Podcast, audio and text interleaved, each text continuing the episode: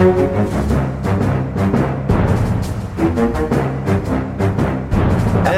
nei, da kjører vi i gang med denne ukas eh, Aftenpodden. Det nærmer seg sommer, men vi står på og holder ut. I studio her i Akersgata, Trine Eilertsen, god dag, god dag. God dag, god dag. Og jeg, Lars Glomnes. Og så har vi inne vår eh, tante Reisende Mac, eh, Sara Sørheim. Hvor er du i verden eh, denne uka? Jeg måtte slutte i Aftenposten for å bli kalt tante. Det er bra.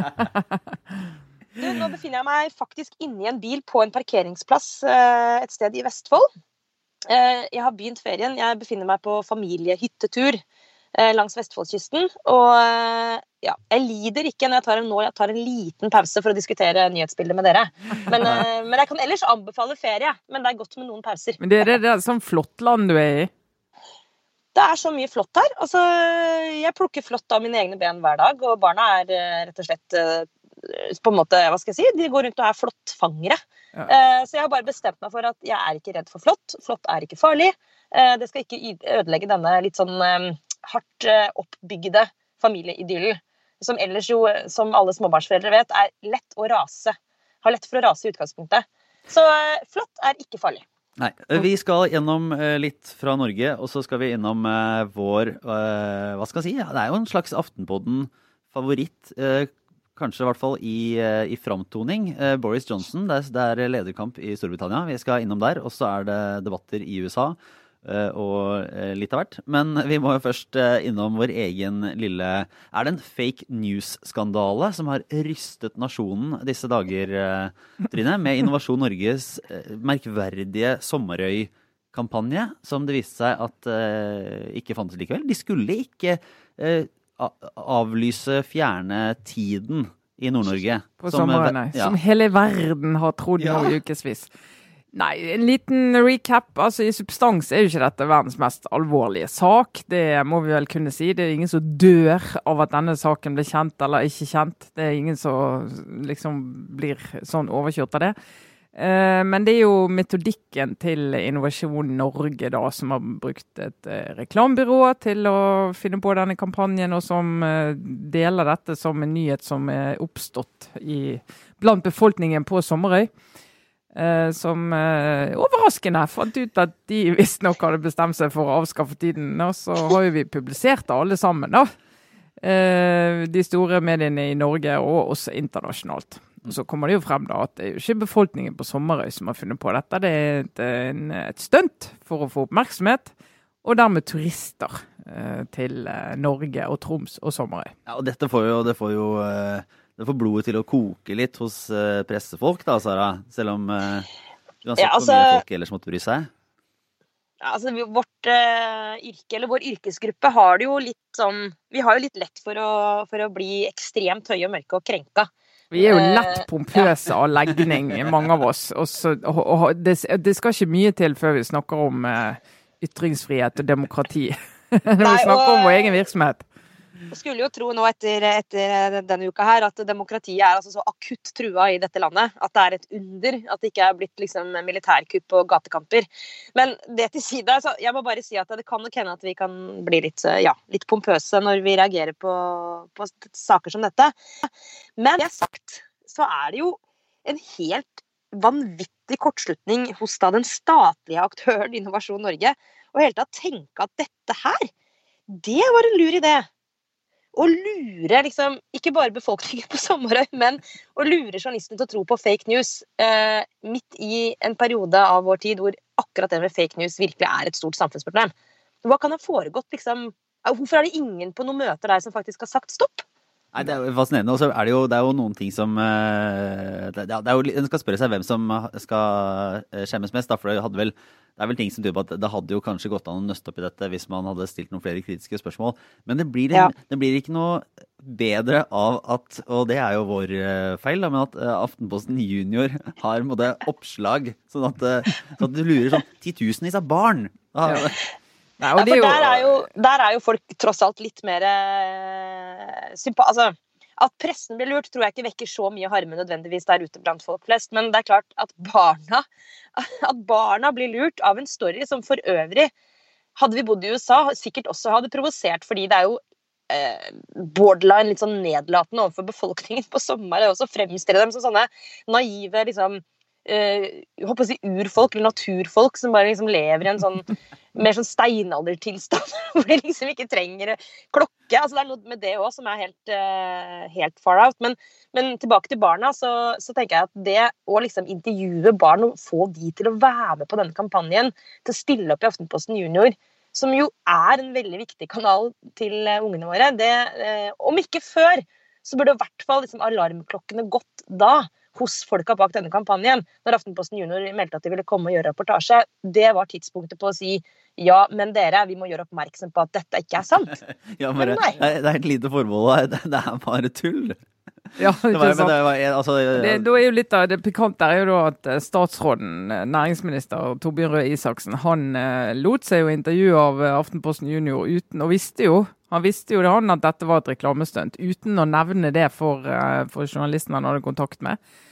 Og snakket jo da under det premisset at dette var en, en ordentlig sak. Uh, og det, det, det, altså det, det, er mye vi kan le av her, og le av vår egen pompøsitet og alt det men det går jo helt over stokk og stein når du skal bruke skattepenger på en, reklame, en reklamekampanje uh, for reisemålet Norge og Sommerøy uh, som er fundert på en falsk historie, der politikere på øverste nivå deltar i kampanjen overfor bl.a. Uh, norske barn som prøver å lære seg å forholde seg til nyheter og skille mellom god og dårlig kildebruk. Eh, så, så, så, så jeg, jeg, mer enn at jeg blir så skikkelig forbanna, så blir jeg veldig sånn, jeg blir så irritert og tenker men herregud, da. Skjerp dere. Går ikke an. Jeg ble også utrolig irritert på de uttalelsene fra, fra, um, Innovasjon Norge reiselivsavdelingen. Bente Bratland Holm, sjef for reiselivet i Innovasjon Norge, som sa de bevingede ord. Kom igjen, Sara. Ja, nei, altså, Det er umulig å få oppmerksomhet i pressen nå for tiden med en vanlig pressemelding. Så for å få oppmerksomhet nå, så må du kunne fortelle en historie. Da kjenner jeg at jeg blir altså, så rasende. Jeg tenker på alle disse pressefolkene som da Nei, unnskyld. PR-folkene som eh, sitter der og fakturerer i dyre dommer fordi de eh, liksom kan fortelle en historie. Og jeg kan tåle det så lenge de baserer seg på, på fakta og på virkeligheten. Men at, at, de rett og slett finner på en falsk historie. Og at de klarer å unnskyld jeg sier det, lure da disse menneskene i, i Animasjon Norge til å tro at det er en god idé. Og i tillegg da sender de ut en pressemelding. Det begynte jo med det da de skulle avsløre at dette bare var tull. Så sender de ut en pressemelding hvor de faktisk skryter av kampanjen. Selv ikke da skjønner de at dette her kommer til å backfire noe inne i granskauen. Skryter av kampanjen og hvilket gjennomslag de fikk, nettopp fordi de klarte å fortelle en historie. Men da, da, tenker jeg at vi selvfølgelig også har et ansvar som eh, media, at vi må innse at nå er det det de prøver på, og da må vi bli flinkere til å være kildekritiske. Selv om da man skulle tro at en statlig aktør som avsender er til å stole på, så må vi bare huske at det sitter altså eh, PR-rådgivere og eh, har som ekspertfelt og lure oss med å finne på historier som er så bra at vi i pressen liksom biter på. Eh, så det tror jeg vi må faktisk ta litt inn over oss. Vi kan le av denne historien, for den er så teit på et vis, men, men det er også ganske sånn Det er litt alvorlig. Vi må på en måte eh, Jeg tror vi må rett og slett eh, bli mer kildekritiske også til aktører som vi tidligere har kunnet stole på. Men vi har også nå den vakre tradisjonen med de sommerlige pressekonferanser. Ja de holder på. Partiene av. I går var det selveste statsminister Erna Solberg og, og Høyre som hadde sin oppsummering. Ja, og det er jo et ritual borte i representasjonsboligen til statsministeren. Uh, I Parkveien. Står ute i hagen der da og blir servert jordbær, litt is, noen smørbrød, en kopp kaffe. Uh, og der hun går gjennom uh, skrytelisten. Og så, vi, var, det var du og Lars. Du, vi var ute og drakk øl i går. Det er et sånn arrangement ofte etter, på kvelden etter disse konferansene en sånn øl eh, Vi møtes til en øl, journalister, politikere. ja. Klassisk eh, boble... Boblearrangement. Skumle kan jeg, bare, kan jeg bare si at eh, for meg, som jo Dette er jo på en måte selve livsåren. Så tusen takk for de bildene jeg fikk av liksom boblefest eh, i Oslo. Her ute på Sommerøya. Eh, men nå har jo du vært der tiden ikke betyr noe, Sara. Du må du senke skuldrene og den, vir den, virkelige historien om Sommerøya uten tid den foregår hos eh, Sørheim på Neset mellom Flått og Småbarn. Ja, men da, men da blir vi stående og snakke litt med disse høyrefolkene om hvordan disse pressekonferansene fungerer. Og det sier jo, det var jo folk fra flere partier der som sånne rådgivere som sa at okay, det er jo ikke akkurat vår favoritt heller, det her. Men vi føler liksom at vi må gjøre det. Og så føler journalistene at de må gå på det. Eh, og så har jo vi en mulighet, at da møter du jo da statsministeren i åpent lende og kan spørre om hva som helst, eh, egentlig. Og det gjør jo journalistene. Spør om hva som helst, egentlig ikke om det hun snakker om. Fordi det, de har en sånn skryteliste, og det, det, det fungerer som om en, du lager en avis bestående kun av notiser av masse små saker som har skjedd. Du klarer ikke ingen saker som står ut. De klarer liksom ikke å vise frem. Dette er det viktigste vi har fått til. Alt er like viktig, og alt forsvinner like Men fort. som vi var innom eh, her eh, vel eh, tidligere uker en uh, forrige eller et eller annet, at det er jo ikke nødvendigvis et sånn kjempestort suksessprosjekt de klarer å løfte om dagen. Og hun, måtte hun ble jo konfrontert med flere dårlige målinger og måtte Ja, erkjenne at vi har ikke hatt helt teken på velgerne denne våren. og da Ja, det hadde hun jo det hadde hun tydeligvis, De hadde forberedt seg på at de skulle få spørsmål om at det går så dårlig. Så hun hadde forberedt seg på å off gå offensivt til verks og si at eh, ja, det har vært problemer. Vi har hatt mange diskusjoner og vanskelige saker internt. eh, og vi merker det, og det går tungt, det går trått. Altså hun, hun, hun prøvde liksom ikke å pakke det inn, og det tror jeg jo er en fordel. Ja, men om det da blir spurt ja, hva som kan gjøre for å snu dette, ja, vi må være mer offensive. Mer offensive på sakene. og Det er akkurat som Arbeiderpartiet som sier at hvis det, dette skal på, gå ja. bra når vi bare får snakke om våre saker og vår politikk. Og så er det litt sånn, ja, men hva er det som gjør at ingen av dere får snakke om deres politikk og er offensive? Altså, er, det, det er jo ikke bare fordi at dere ikke er offensive. Det er jo en eller annen virkelighet der ute dere må forholde dere til. Og for Erna Solberg sin del så må vi jo forholdes til at mange av de største konfliktene er jo inni regjeringen. Det er jo ikke mellom Ja. regjeringen og andre. Det hjelper ikke å være offensiv når, du regjerer sammen partier som jo bare egentlig ikke er enige om politikk. Altså, det er jo liksom starte med det, da. Det er jo ikke, de, skal jo ikke i samme retning. Nei. Men du sa jo at eh, ja, vi tar en sommerferie, og, og, og så blir det bedre. Er det, er det hvordan, eh, hvis vi skal ta en sånn overordnet, hvordan funker en sånn politisk sommerferie? Nå er det noen uker der folk er borte. Eh, Er det vanlig, altså Forsvinner de temaene? Er det en ny start, tror du, med helt nye saker om noen uker? Eller fortsetter vi omtrent der vi slapp? Jeg tror uh, mange av disse håper jo at vi skal få en ny start, og nå skal valgkampoppleggene rulles ut. Og så skal vi snakke om uh, valgkampsakene som de har lyst til at vi skal snakke om. Uh, men eh, ta en sak som bompenger. Den kommer vi jo. Det er veldig mye handlet om det i går. Eh, Bompengekonflikten og eh, altså forhandlinger, for det har vi litt sånn glemt nå. Vi hadde jo dette store Frp-landsstyremøtet der de kom ut med krav. Eh, Og der Venstre sa 'glemme sak'. Og så sa de men før vi snakker mer om det, så skal vi sette oss ned og forhandle om, om, om, eh, om bompenger. Så de sitter jo i disse dager og prøver å finne ut hva de skal gjøre med det, selv om ingen av oss eh, dekker det ordentlig. Eh, og de vil jo ha noe klart før valget, altså på ettersommeren, etter ferien en gang, så må det jo komme noe. Da kommer jo dette til å bli en svær diskusjon igjen. Nå drev vel eh, Siv Jensen var på Politisk kvarter i morges og ble utspurt om detaljene i disse punktene. og det, nå skal jeg ikke karakterisere for mye, men det var jo en det kom ned på et ganske sånn detaljnivå på, på ting som At det ikke nødvendigvis var akkurat sånn som det sto i kravet. Her var det jo et overordna mål som kanskje Ja. var litt viktigere. Og ja, hvis man begynte å se på det, ja ja, det, det var litt sånn Ja. Det så, hørtes ikke helt ut som at man kom til å stå 100% på fullt gjennomslag nei. på alle disse seks punktene som Frp har sagt at de må få oppfylt, egentlig. Nei, og det kommer jo ikke til å skje, for da vil jo ikke regjeringen sannsynligvis eh, eksistere, eh, hvis de får det. Men eh, de har jo en, en diskusjon som Erna gikk langt inn i i går, er jo disse her nullutslippsmålene. Og det er jo skikkelig nerding. da. Når hun får spørsmål om det, så ser du hun bare blomstre. For da kan hun bare stupe ned i avsnitt seks i en eller annen avtaletekst og legge ut om nullutslipp. Ja, hva betyr det? Betyr det at eh, vi ikke skal ha flere biler, eller betyr det at vi ikke skal ha mer utslipp? Der, der er Nullvekstmålet er det det heter. Og her er jo Erna Solberg, eh, hvis noen skal sies å være hennes sånn mediehåndteringsmetode, så det er sikkert flere punkter, men ett av dem er jo uh, å gå ja, virkelig dykke ned i detaljene og gå på ting som er så spesifikke, og gjerne ting som ligger eh, ti år tilbake fra da hun eh, Altså, eller 15, fra hun satt i regjering sist, eller har vært på sitte i en eller annen komité eller jobbet med det, som det skal innses at hun har hun har veldig god kontroll på detaljer fra sitt eget politiske liv. Og, og, og ofte mer enn mange journalister. Så når hun stikker av gårde eh, og beiner på ned i et eller annet sånn herre langt, dypt hull for å forklare noen sånne detaljer, så er det mange journalister som, og det er forståelig, enten ikke klarer å henge med, eller får et litt sånn glassaktig blikk og bare ja, Jeg husker ikke hva de har spurt om, eller hvor dette starta, og så håper bare det skal ta slutt. ja. Det er Og det er in sånn, ingen oppfølgingsspørsmål. Nettopp. Det er jo en utmattelsestaktikk, rett og slett. Ja. Eh, Det er liksom hennes variant av 'kill them with kindness'. Det er bare, bare kjøre på, og så eh, tror jeg man bare vet at eh, man taper uansett hvis man skal prøve på et finurlig, detaljert oppfølgingsspørsmål. Så da like greit å la være. Men det som jo er spesielt, da, er jo at hun tydeligvis har den der detaljorienteringen helt sånn genuint. At det er nok ikke en taktikk. Jeg tror hun fremstår veldig som at hun er Det er sånn hun jobber med politikk. Hun Ja, er inni detaljene. Hun Men det gjør jo ja.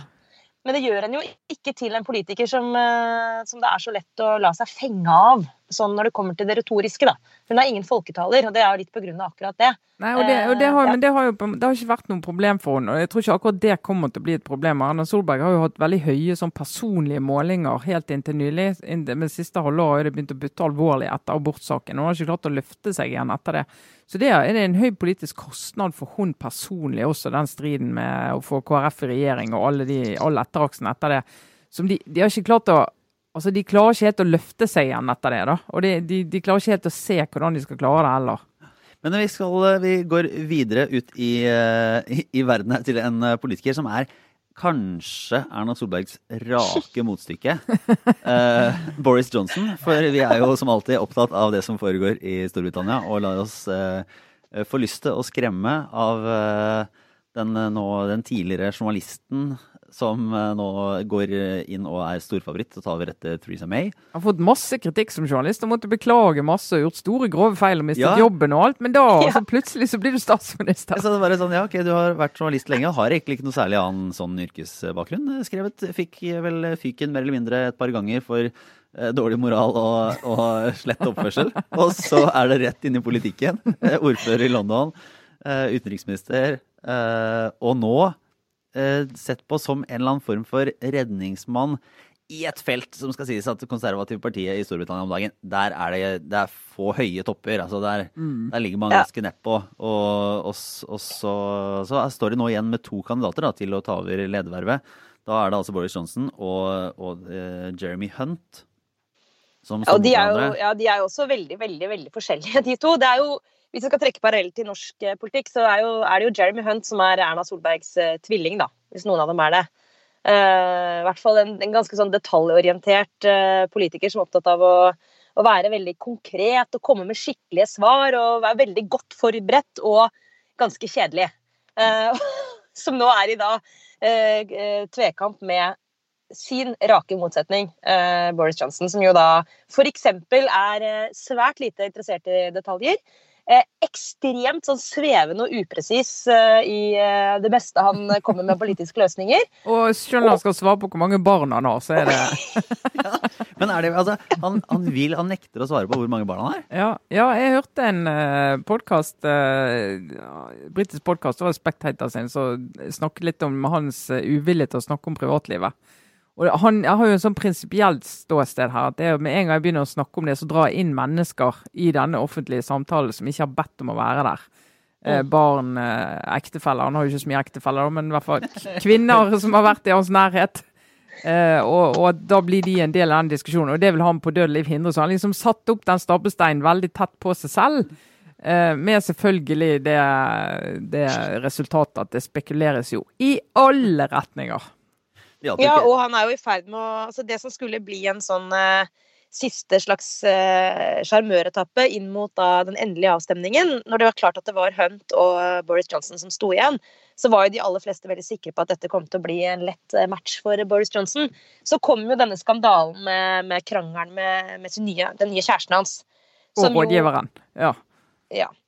Som jo er et eh, så klassisk eksempel på at det private er relevant for en politiker, fordi det handler om tillit sant? og personlighet, og om du er til å stole på, og om du har moral osv. Og, så og da er det jo plutselig en sak når da det dukker opp et lydopptak eh, av at han krangler med sin kjæreste, og at politiet må rykke ut og banke på døra. Og så kan man jo spørre seg da eh, hva som var hensikten til de naboene som tok opp lyden av at eh, Boris Johnson eh, og kjæresten krangla, og delte det opptaket med Guardian. Samtidig som de sa at de kun hadde ringt til politiet fordi de var genuint bekymra for eh, kjæresten. da. Ikke hadde noen hidden agenda, men, men vi ga altså opptaket til The Guardian. Ja, den, Uh, Um, Men det er jo i ferd med å Det var det jeg skulle si. Det eh, har jo spent litt bein på han akkurat nå på oppløpssiden. Men han er jo fortsatt favoritt til å, til å vinne denne avstemmingen, som faktisk foregår eh, gjennom at medlemmene av det konservative partiet sender inn per post, eller kanskje de kan sende e-post, men eh, sin stemme da, over en gitt eh, tidsperiode. Eh, etter at det har vært en slags sånn eh, reality-TV-aktig utstemmingsrunde først, hvor alle kandidatene har, som ville stille, har vært med i debatter. Så har de én og én falt fra. Til vi har denne merkelige duoen Hunt og Johnson igjen, som jo eh, ingen av dem egentlig er særlig gode nyheter for eh, britisk politikk. Nei, så var det vel, en, en analyse som, eh, som, som sa her tidligere at, at, at, Johnson, valget av han som kandidat nå kanskje er med tanke på et Wall Guardian sin politikkpodkast, at man ser fram mot et nyvalg. Og at uh, ikke nødvendigvis er en som kommer til, at han kommer til å klare å få til en brexit-avtale Eh, på nåværende tidspunkt, altså der Theresa May eh, feila flere ganger, at han nå kommer inn og har en løsning på det, men at, men at det vil komme et nyvalg ganske snart. Og da tror de konservative altså medlemmene at, at Boris Johnson har størst potensial for å oppnå et godt valgresultat. Men så, mm. men så, er det klart de medlemmene, Det ville være synd å kalle de veldig representative for velgermassen i eh, Storbritannia. De er rundt 160 000 stykker. De er hovedsakelig menn. De er over 55, opp mot 60 snittalder. Eh, langt høyere inntekt enn eh, de fleste. og de er hvite som snøen, de aller fleste av de. Og når du er hvit i Storbritannia, er du som kjent hvitere enn de fleste.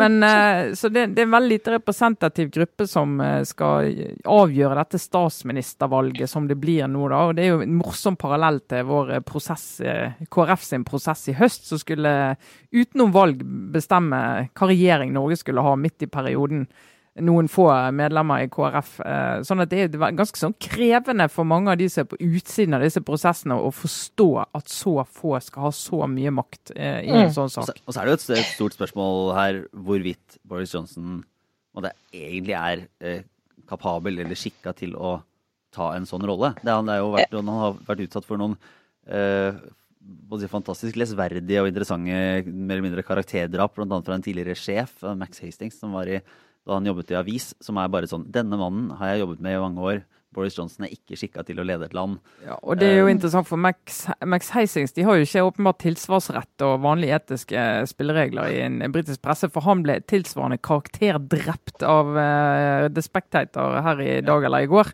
Uh, og det var om mulig enda verre når han skulle og han sammenlignet Heistings og Johnson sin karriere da, og mente at Johnson tross alt kom bedre ut. Og så er det jo flere andre som mener, bl.a. nøkterne BBC, som minner om at uh, da Boris Johnson var ordfører i London i åtte år, så Altså Han har en track record der som gjør at du kan ikke avskrive han som politiker uh, og si at det er bare surr. Liksom, men han gjør jo mye sjøl for at du skal glemme hva han har fått til, for det er så mye armer og bein og høyt hår. bokstavelig talt. Det er jo et fantastisk video som vi kan, eh, kan anbefale, som kan legge ut på Facebook-sida, som er nå nylig fra Boris Johnson som blir spurt om hva han, uh, hva han gjør på fritida si. Og da ender han opp i et resonnement som er, ja, det er ekstremt vanskelig å gjengi. Så, men at han lager Han maler og lager modeller av busser av små esker. Men du fikk en følelse av at han bare fant det på ja. mens han satt der. ja. ja. What do you make? Well, I make, I make uh, things. enten så har han glemt det, eller så har han funnet det på, eller så har uh, brukt veldig tid på å bestemme seg om han skulle, faktisk skulle si det. For det var helt, helt ellevilt. Og det fins jo så mye bilder og rare situasjoner av Boris Johnson at det er en kavalkade i seg selv. Ja. Som de så en skrev på Twitter, så er det hvis du virkelig har en hobby som du går ordentlig inn i, f.eks. å drive med sånn arts and crafts, så klarer du ofte å redegjøre for det med litt entusiasme, og må ikke lete etter ordene om veldig lenge. Som eh, Johnson gjør i dette opptaket, som er helt, eh, helt utrolig. Men bare et poeng tilbake til det du sa, Trine, med hvem som nå avgjør dette veldig eh, egentlig, altså dette veldig avgjørende valget. Det er jo også en gruppe som man kan si har liksom minst å tape på Eh, det, den risikoviljen som Boris Johnson eh, viser som politiker altså Han er, fremstår litt en gambler. Han er vanskelig å, å, få til å bli konkret, men han har jo vært veldig tydelig på at eh, den fristen som EU har satt, altså 31.10, da skal England ut av EU. Uh, han har vært veldig tydelig på at da skal de ut deal eller ikke deal. Uh, I motsetning til Jeremy Hunt. Og det er kanskje den største forskjellen på de to. Det er jo, uh, i tillegg til at altså, Hunt var jo på Remain i utgangspunktet. Stiller seg nå lojalt bak folkeavstemningen, men, men har åpna for at hvis det nærmer seg en ny avtale, hvis Storbritannia og EU liksom kanskje er på glid, så er han villig til, og har han åpnet for at uh, man må være villig til å skli litt på den 31. oktober-fristen. Mens uh, Boris Johnson har vært knallhard på at nei, vi skal ut. Og uh, veldig mange, med rette, frykter jo hva en sånn eventuelt no deal vil føre til for britisk politikk. Men det er klart, det er jo ikke de rike, veletablerte, eldre medlemmene av Tory-partiet som, som taper mest på Eh, en eventuell nedtur i britisk politikk, sannsynligvis. Det er jo helt andre mennesker med større sosiale utfordringer, som jo eh, man kan si at eh, ja, blir satt litt i spill, og deres livssituasjon blir satt i spill av politikere som akkurat nå, særlig Boris Johnson, ikke, ikke fremstår som veldig opptatt av å liksom eh, trygge eh, sitt folks økonomiske situasjon. Mm. Så det syns jeg, ja. Så det, men, men, så kan du si at det er mulig at dette er et spill for galleriet, at han velger å være så hard på at han vil gå for en no deal for å kunne bruke det som pressmiddel i forhandlingene med EU. E da. Han har jo fryktelig dårlig tid. Hvis han blir eh, partileder nå, så har han noe sånt som seks uker på seg eller noe til å reforhandle avtalen med eh, EU. Altså det Theresa May ikke klarte. Uh, ja. Det, er, ja. Så, ja. det er vel lite som tyder på at det er en veldig mye enklere oppgave nå. Jeg kan jo bare runde av med å anbefale en annen liten videosnutt og kobling. fordi han, Jeremy Hunt han er jo ikke kjent for så veldig mye i Norge, egentlig. Uh, men i Storbritannia har han jo da både en politisk karriere, men også en Det var en fascinerende sak i Guardian som handla om hvordan Eh, hvordan det er så lett å bytte ut eh, førstebokstaven i etternavnet hans eh, til å bli eh, et mye styggere ord. Og eh, det fins en samling på, på, YouTube og del på Twitter av sånne nyhets, strenge nyhetspersoner i, i England som roter seg bort og snakker feil. Og det er jo fullstendig Altså, det er, det er kanskje liksom Dropping C-bombs uh, er det verste du kan gjøre på TV. Men stadig vekk. Det er liksom 100 eksempler. Grusomt. Og det er jo alltid den samme bokstaven. Ja. Det byttes jo fra H til bokstaven C. Ja. Så det, det, er jo ikke bra. Det er ikke Nei. bra. Så det, ja, den, uh, det sånn, han blir, blir, spurt om hvordan dette er. Ja, den... Uh, det, hjelper jo ikke når du er en politiker som ikke er sånn superpopulær i utgangspunktet. og kanskje får en smell. Men eh, vi fortsetter inn i, eh, i, eh, i, amerikansk politikk, der demokratene nå har sine to eh, første nominasjonsvalgsdebatter på, på, sin side. Det var vel eh, ti stykker. Det er jo så enormt mange som ønsker å bli eh, demokratenes kandidat til presidentvalget neste høst. Og de første ti eller noe sånt, var i debatt i går onsdag, og de neste skal straks i gang.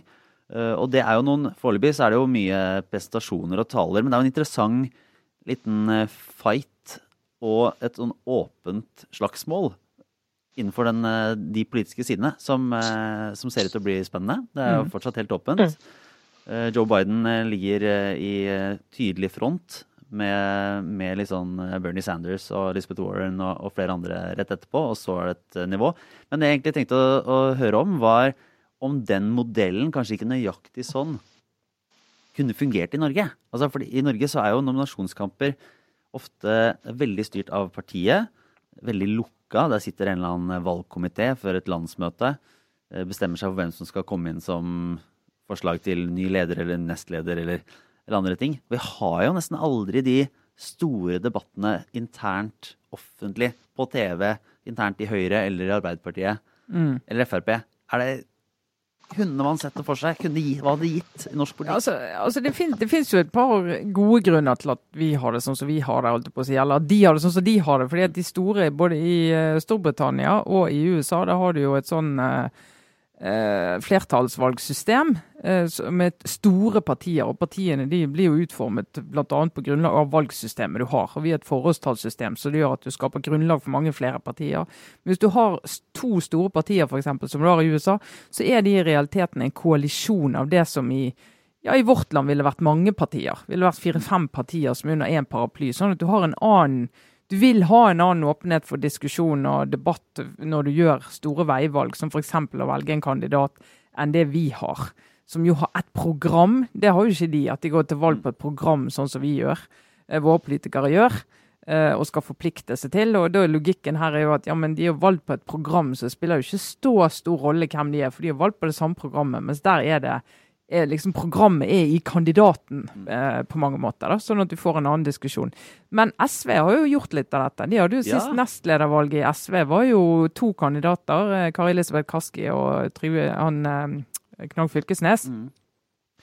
Eh, og de hadde jo en åpen debatt og konkurranse på landsmøtet forberedt, for det var, det var jo en delt innstilling fra valgkomiteen. Eh, og det, det ble jo mange så, I vårt system så ble det sett på som Altså Vi på utsiden sier så kult, så så får vi høre hva de forskjellige kandidatene står for, og du kan få en diskusjon hvor går SV nå, hva retning peker de når de tar sitt valg. eh, For kandidatene er ulike. og Ikke det at de er uenige politisk, men de, de har forskjellig tyngdepunkt politisk. altså Forskjellige saker de er opptatt av og, og vil snakke mye om. Eh, mens inni partiene, også i SV, så ble det jo regnet som en eh, blant flere blant, som en sånn svakhet å gjøre det. sant? Fordi at du, du får liksom oppmerksomhet om noe du ikke egentlig vil ha oppmerksomhet Ja, det- Du vil, liksom, du, vil hele, du vil jo ha noen få saker, du vil ikke ha den diskusjonen. Ja, du skal ha sånn disiplin på, på, på hva man skal snakke om. Og det er, det er jo en grunn til at veldig mange partier, egentlig alle stort sett, eh, sier at eh, partimedlemmer ikke skal debattere mot hverandre i Mm. Politisk kvarter eller Dagsnytt 18 eller sånne store flater. Man ikke stiller opp med interne stridigheter sånn ut. Og Høyre prøvde jo å gjøre litt av det rett etter de kom i regjering. Så var det liksom, nå skal vi gjøre det helt annerledes enn eh, våre forgjengere. Så nå skal vi vise at det er uenighet Det er internt ikke i partiet. og lenger. Det Skjer aldri, og det tror jeg det er en god grunn til. Så tror jeg en annen grunn til det er at hvis du har to fra samme parti som er uenige, og så er det en eller annen avstemning, og så taper den ene, så er vårt partisystem eh, bygd opp sånn at da vil en av de kunne gå til et annet parti. Altså Velgerne til den ene vil da tenke nei, men da er ikke dette partiet for meg. Da går jeg heller til det partiet som faktisk har den saken. Ja. Sånn at du, prisen kan være høyere da enn du i de- Demokratene. Hvis Warren vinner, eller Bernie vinner, vinner, eller hvem det er, så er du fremdeles inne i samme parti, da. Men det hadde jo vært eh, forfriskende å få en større åpenhet rundt disse personstridighetene. Eller noen ganger er de også rent politiske. Men jeg bare tenker på en ting var at eh, Solberg-regjeringen skulle liksom være annerledes enn Stoltenberg på dette med åpenhet. Men også Støre da han tok over Arbeiderpartiet etter åtte år i flertallsregjering og med utrolig mange kamper tatt på bakrommet. Så mener jeg kunne huske at eh, det var en liten sånn frisk bris gjennom partiet, og at man skulle åpne opp og ha politisk verksted og eh, ja, løfte fram en ny generasjon osv. Så sånn ble det ikke. Nå er det jo ikke noe så mye frisk luft å spore der heller. Men det er klart, det hadde jo vært å foretrekke, i hvert fall for oss utenfra, å kunne delta mer i de politiske diskusjonene enn at det bare plutselig dukker opp bare noen dager før et landsmøte sånn Å ja, forresten, Bjørnar Skjæran Hils på Bjørnar eh, Skjæran, ja. Er det det han heter? Bjørnar Skjæran? Ja, ja, ja. Som er en sånn Hæ? Hva skjedde nå? Hva, eh, og da er det selvfølgelig nominasjonskomiteene, som jo har ekstremt mye makt i, i norske partier.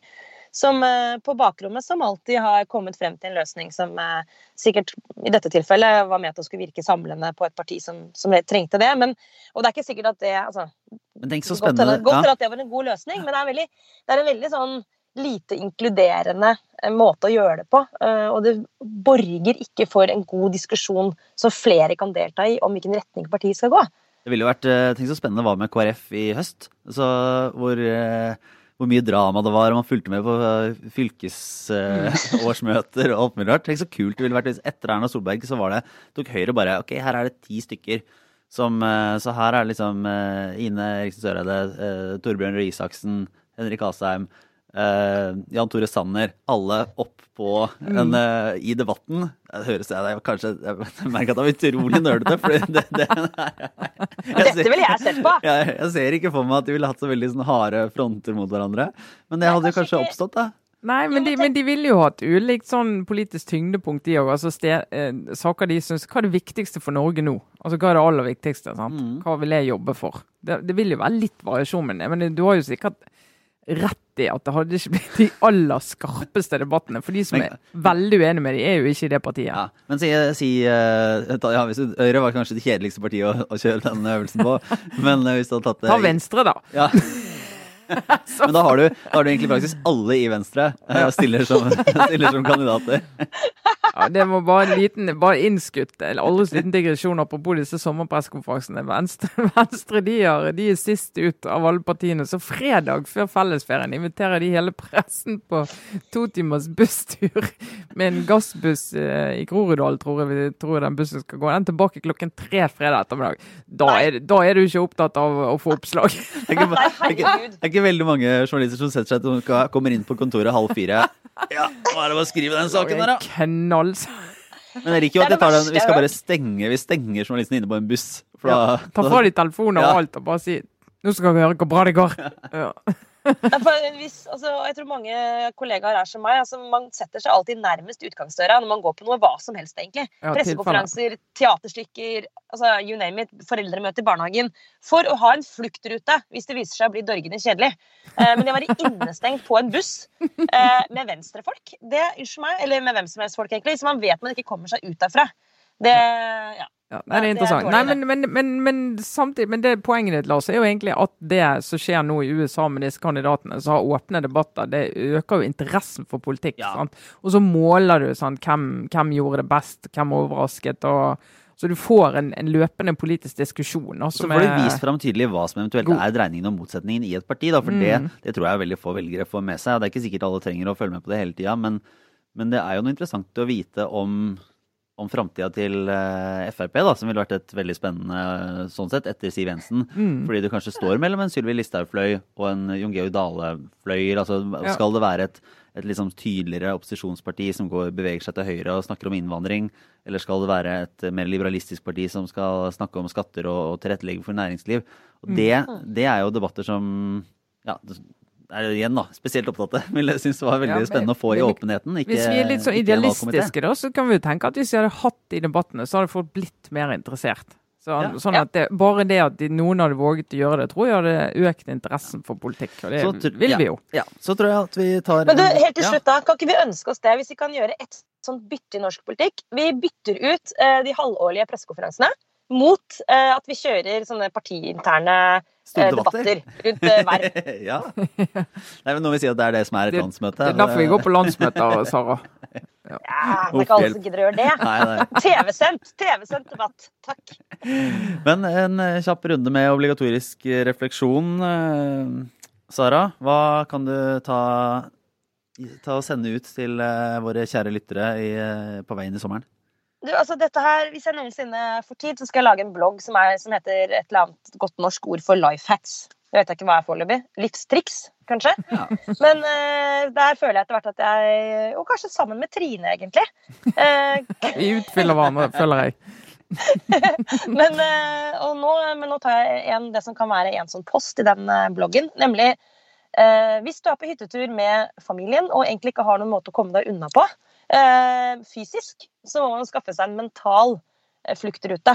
Og da er jo litteratur et veldig, et veldig fint sted å flykte inn i en bok. Men da er det veldig veldig viktig hvis man har små barn og er veldig trøtt, for det er man jo med små barn, veldig viktig at det ikke man går i den fella og tar med seg sånn virkelig høyverdig kvalitetslitteratur. Ja. Altså, ikke ha høye ambisjoner sånn kunstnerisk sett. Du må virkelig lese noe som skal, eh, som skal, sette ditt intellekt på prøve. Hvis du er i min situasjon. Ikke gjør det. Nei, gå for thrillersjangeren. Page-turner, eventuelt retning romantisk eh, sånn, mer sånn jenteroman. Men jeg anbefaler uh, thriller. Sånn skrekkelig thriller hvor mange dør. Det er Ja. Det kan fungere på mange måter. Har du mer, har du mer spesifikk uh, anbefaling òg, eller? Jeg har faktisk det. Jeg leser nemlig en uh, veldig veldig kul bok nå. Uh, kanskje ikke så høyverdig litteratur, men den er i sjangeren uh, thrillere fra psykiatriske institusjoner. Passer veldig bra. Men det er visstnok den, nye, den nye trenden innenfor krim internasjonalt. Den har tatt over litt for liksom, Nordic noir. og den boka her heter The Silent Patient. ikke oversatt til norsk ennå, men den går fint. Det er ikke noe vanskelig å lese den på engelsk. Av en fyr som heter Alex Mika altså Dette vet jeg ikke hvordan man uttaler. Ta, ta Mikaelides. Mikaeldes. Ja, nei, hva vet jeg. dette, dette, går langt utenfor mitt kompetansefelt. Men poenget er at den er, eh, den er en sånn klassisk sånn eh, page turner. Og jeg kan jo også si, da, i ærlighetens navn, at jeg plukket opp den på en helt utrolig bra blogg som allerede fins, som heter OP5. Og som Asbjørn Slettemark og Aslak Nore lager. og Det er en blogg som handler om krimlitteratur og TV-serier. Så hvis noen trenger tips, så er det der jeg går når jeg skal finne bøker. Og denne fant jeg tipset om der. Så det var min lille sånn, vær så god, gå dit og finn dere noen bøker og flykt inn i den. Hvis dere er f.eks. innestengt på en hytte eller en seilbåt. Enda verre. Eller noe sånt. Ja. Og du da, Trine? Nei, altså, jeg skal ikke Ja, jeg kan forsøke det er jo innebygd en anbefaling i det, da. For jeg hører jo av og til eh, Når jeg ikke har noen sånn veldig kule andre podkaster oppe, så går jeg inn og hører en episode av denne Hvem er du? Som eh, han Harald Eia lager med eh, Nils Brenna, han heter. Ja. Hvem er du? Sånn er du? Hvem er du? Sånn er du. Sånn, Sånn er du, du, er det, ja. ja. Hvor de tar denne personlighetstesten, Big Five, på masse kjendiser og profiler. Og folk fra forskjellige steder. Kulturliv og næringsliv og presse og ja, diverse. Så går jeg inn og så finner jeg en person som jeg eh, er nysgjerrig på av en eller annen grunn, og så hører jeg på det, og der er det mye rart å høre. Men uh, her i går og, så hørte jeg på episoden om Atle Antonsen, som jeg syns er veldig festlig, gøyal fyr. Og så hørte jeg gjennom den episoden, så tenkte jeg Atle Antonsen, vi er tvillingsjeler. Og tenkte Dette var en så rar opplevelse. For når de gikk gjennom undersøkelsen med han, så tenkte jeg hvis jeg hadde tatt den undersøkelsen, så tror jeg jeg hadde fått nøyaktig samme score som han på alt. Og det var bare å høre han snakke om det, så tenkte jeg jøss, nå snakker du til min sjel. Ja, altså Det var selvfølgelig avvik her, for all del. for all del, altså og, virke, og sånn Når du ser på rammen og livet lever og alt det der. Men det her er jo som går, som går inn i personlighetstrekk og reaksjoner og litt sånn. Og da tenkte jeg jøss. Og det var, det var veldig sånn Det var en rar følelse. Altså. Har, har du møtt ham noen gang? Aldri møtt han. Jeg hører jo gjerne på han og Golden på denne her eh, misjonen som de lager. Jeg syns det er festlig. Eh, og har veldig sans for han. Alltid hatt det. Men nå, nå tenker jeg at hvis jeg møter noen, så tør jeg sikkert ikke snakke med han. Da tenker jeg Det var så rar følelse. Men Trine, men jeg må spørre Trine, du må altså, uten at det skal liksom, måtte gå i skriftestolen her til alle Mm. våre lyttere, men kan du trekke den opp? For dette er så rart øh, og så Ja. mindfuck. Jeg, egentlig har jeg aldri tenkt på dere. Jeg har aldri hatt dere i hodet samtidig. Nei, ikke, nei, ikke jeg heller. Hva, hva Kan du trekke frem noen punkter dere har felles? Nei, altså, Det gikk jo blant annet på dette med introvert, ekstrovert, og liksom om du er veldig avhengig av det sosiale, eller om du kan trives alene. Og, og Mange vil jo kanskje tro at en som han er veldig veldig sosial og oppsøker mange sosiale settinger, og det gjør han ikke. Han trives godt alene. Han syns det er veldig hyggelig og alt det å være med, men det er ikke noe sånn motor i han, da, så han skårer ikke sånn veldig sterkt på det, og det kan jeg helt kjenne meg igjen i. Og, og en del sånn eh, Ja, det høres jo veldig rart ut. Når vi snakker sånn altså, beskjedenhet og behovet for å fremheve seg sjøl og altså Altså På godt og vondt, for det her er jo ikke normative undersøkelser. Ikke, men, men så måten han snakker om det, så tenkte jeg ja! Sånn der er det òg! Sånn der er det òg! Eh, og det Nei, jeg syns det det, var det var egentlig litt terapeutisk jeg hører på det. Oh, nå, jeg, nå håper jeg at, eh, at eh, Nils Rønna og Harald Eia uh, inviterer deg til, uh, til en For å se om det til å se stemmer. om det faktisk stemmer. Om Ja. det også som matematisk. ja, det var litt rart. Ja. Jeg skal runde av med en kjapp liten Jeg har en uh, refleksjon min er egentlig at jeg jobber jo i A-magasinet som nyhetsleder er sånn til vanlig. Så nå står jeg midt i lanseringen av det som er et A-magasinet sexspesial. uh, og uh, fordi, Det er det eneste Ta, som er Tanta i Akers gate, er ikke det det Ja. ja, var? ja, ja, ja. Det her, altså, det her kan eh, Det blir, jeg, det blir veldig kult, men det er, det er så mange fallgruber, og det kan gå så gærent. Fordi, I utgangspunktet, ok, A-magasinet vi skriver jo uh, ofte veldig mye gode saker. Ofte veldig, veldig trist. Det er, liksom, ja, det, er, det, er kreft, er liksom, det er kreft og sykdom og noen som har mista noen. Alt, alt det der vi er så gode på. det, Overgrep og, eh, og, og drit. da. Og så har jo tanken vært ok, nå skal vi lage noe som bare er sånn kan vi, kan vi faktisk lage noe positivt. Noe som folk, mange er eh, interessert i, opptatt av, eh, har som en viktig del av livet sitt. Og så er det i gang. Og det vi ofte får da, som eh, journalister og som redaksjon, er vi får tilbakemeldinger fra lesere. Ja. Og nå er det sånn, A-magasinet har i underkant av 800 000 lesere. Cirka, nei, det vet ikke jeg, men det er vel omtrent halvparten er over 60 da. Og eh, en del av dem er sånne, de som er særlig glad i å skrive inn, er sånn, de som avslutter med sin utdannelsesgrad. altså sånn at du er en eh, en- Adjunkt med opprykk, adjunkt med så jeg en mail her om en, dagen. En, en, en professor, eller er en kan mag, eller er en eller annen sånn. Og de har ofte noe å si når eh, A-magasinet eller Aftenposten blir for frimodige, eller eh, tar seg friheter, eller på en eller annen måte kan støte noen. Eh, og Ja. nå, skal jeg bare, nå går jeg inn i helgen og min lille ferieuke med omtanke for innboksen til magasinredaktør Lillian Vamheim, min gode kollega. For den tror jeg kommer til å gå varm. Ja, Og, ja, eh, nå, nå kommer det reaksjoner. Men jeg tror det, jeg mener at eh, A-magasinet, vi, må- vi kan ikke bare være trygge og gamle. Vi må gjøre noen ting som er litt morsomt og nytt. Ja. Så ja, men det hvis er dere hørte Jeg er enig i det, Lars, men min eh, sånn forsøk på å undertrykke Men forsøksvis undertrykte latter her var egentlig Det var ikke ondt ment, men eh, jeg savner jo å jobbe i Aftenposten, men jeg savner ikke alltid de sure e-postene. Eh, Får du ikke jeg- det i NTB? Nei. Nei, men til NTB er eh, Vi er på godt og vondt eh, anonyme, sant. Det er jo, vi er jo leverandør inn til avisene, så det er ikke så God- veldig mange som tenker på oss. God anonyme følelsen. Ja. Og det, det kan jeg få si at det, det, det er litt Akkurat nå så tenker jeg at jeg er glad jeg ikke skal ta imot alle disse sure e-postene. Samtidig, Lars, da, bare for ikke snakke om sure lesere, så er det jo også sånn at de sakene her Dere har jo sluppet en allerede om jenter som møtes for å ha sex med hverandre på fest. Er jo utrolig bra, rett og slett. Altså, sex er jo et tema som bør eh, tas opp av ordentlige, seriøse journalister. Og det, det skal dere ha for, altså. Så jeg, jeg kniser litt av at liksom, tante har tatt på seg sexy undertøy og begynt å lese Cupido. Løfter litt og eh, viser anklene. Ja. Men jeg heier på det. det Ja, jeg må bare si det. Selv om jeg ikke har av det. Så jeg er veldig glad for at dere tar tak i det. det veldig- på vegne av oss ja. middelaldrende. Og så er det veldig, det er veldig hyggelig altså, lese tilbakemeldinger. Det er, det er hyggelig, altså. Og når ting vi, vi gjør ting som er gærent, eller ting som folk reagerer på, så må de for all del si fra. Så det er bare fint. Ja. Men eh, det, det er noen saker du bare vet at her kommer det til å komme mer. Fordi man bevisst også utfordrer litt det som er forventningen, da. Men det tror jeg blir gøy. Og så vil jeg egentlig bare avslutningsvis eh, annonsere med at det fremdeles er ca. sånn Kanskje i underkant av 50 billetter igjen til vår Aftenpodden livesending i Bergen 4.9. Åh. Så der er det praktisk talt uh, utsolgt i løpet av kort tid, eh, ser det ut til. Det er alltid noen sånne etterslengere, men hvis man er en gjeng som har lyst til å ta en tur og se um, oss live uka før valget, Mm. så er det fortsatt en liten mulighet. Høre, vil jeg nesten understreke. Ja, Høre ja. oss. Høre og se. Dere kan love et visuelt show ut av en annen verden.